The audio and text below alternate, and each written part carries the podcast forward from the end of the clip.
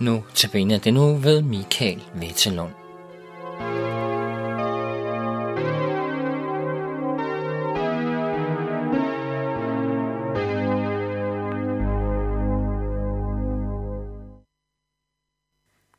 I dag skal vi læse fra Ezekiels bog kapitel 33, og jeg læser vers 10 og 11, hvor der står sådan her. Du menneske, sig til Israels hus. I siger, når vores overtrædelser og synder hviler tungt på os, og vi rådner op på grund af dem, hvordan kan vi da bevare livet? Sig til dem, så sandt jeg lever, siger Gud Herren. Jeg ønsker ikke den uretfærdige stød, men tværtimod at den uretfærdige vender om fra sin vej, så han bevarer livet. Vend om, vend om fra jeres onde veje. Hvorfor vil I dø, Israels hus? Gud, vi beder dig om, at du nu må komme og åbne dit ord for os. At du må komme og vise os, at du virkelig ønsker, at vi skal frelse. At du må vise os vejen hjem til dig.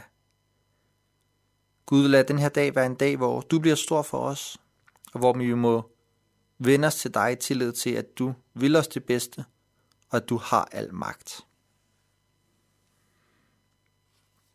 Jeg har givet den her andagt overskriften, hvem frelses?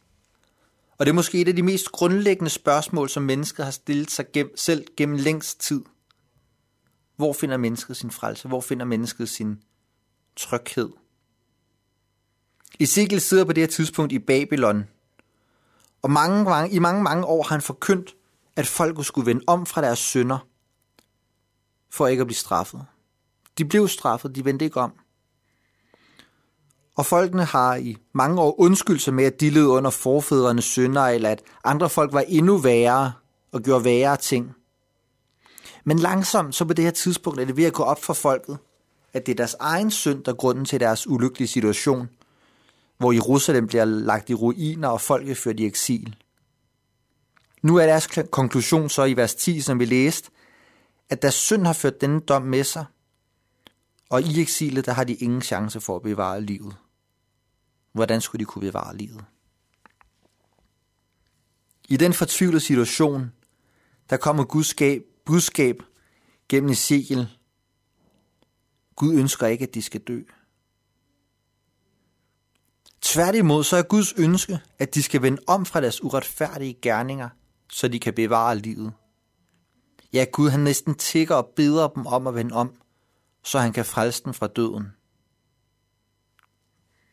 På trods af deres store synd i fortiden, er dommen nemlig endnu ikke fældet. Jo vist Jerusalem faldt, og folket blev ført i eksil. Men det var kun en midlertidig dom. Det var kun en forudsigelse af den endelige dom. Princippet for, hvem der bliver frelst, det gennemgår Gud for dem i de her vers, både lige før og lige efter de vers, vi læste. Der står, at en retfærdig, der vender sig bort fra sine retfærdige gerninger og bort fra Gud, han ikke kan bruge hans tidligere retfærdighed til noget. Og ligeledes står der, at en, der tidligere har levet uretfærdigt, men nu vendt om til Gud, han ikke dømmes for sin fortid. Nej, vores Guds forhold og vores frelse, det afhænger ikke af fortiden, men af, hvordan vores forhold til Gud er i dag. Lidt det samme princip ligger til baggrund for Paulus, når han i Filipperbrevet siger, at han glemmer, hvad der ligger bag, og jager mod målet. Andre steder i Bibelen står der, at man skal glemme ungdommens synder og lignende vers. Alt sammen, fordi vi ikke bliver dømt for fortiden, hverken godt eller skidt, men for hvordan vores forhold er til Gud den dag, han kommer igen og dømmer verden. Det er det her princip, der er grundlaget for Guds dybe længsel efter, at folkene på Ezekiels tid, såvel som i vores tid, må vende om. Det er endnu ikke for sent for os, der hører Guds ord i dag. Uanset om du før har taget imod Jesus som frelst eller ej, så har du i dag mulighed for at gøre det. Så har du mulighed for at sige ja til Jesus. Sige ja til, at han skal bytte plads med dig, så du får al hans retfærdighed, og han får al din synd så er det ligegyldigt, hvad vi må have i bagagen. Så er det ligegyldigt, hvad vi bærer med os fra vores fortid. Så er det det, der gælder. Så er det det valg, der afgør vores skæbne. Min bøn er, at du i dag må høre det her inderlige kald fra Gud. Vend om. Vend om fra jeres onde vej. Hvorfor vil I dø? Hør det, og tag imod ham, der siger det. Hør, at det endnu ikke er for sent, uanset om du er ung eller gammel. Gud længes efter at have fællesskab med dig. I dag, i morgen og i evigheden. Derfor håber jeg, at du i dag vil tage imod ham.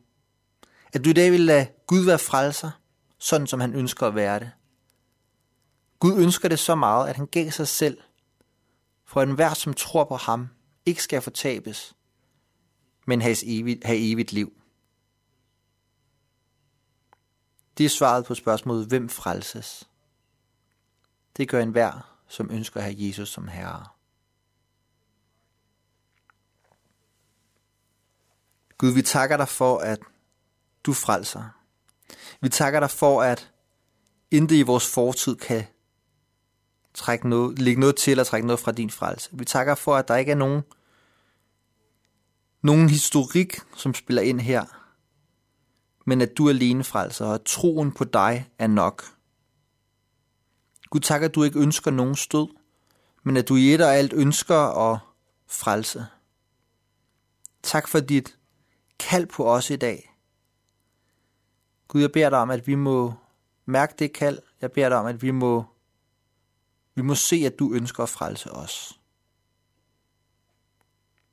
Amen.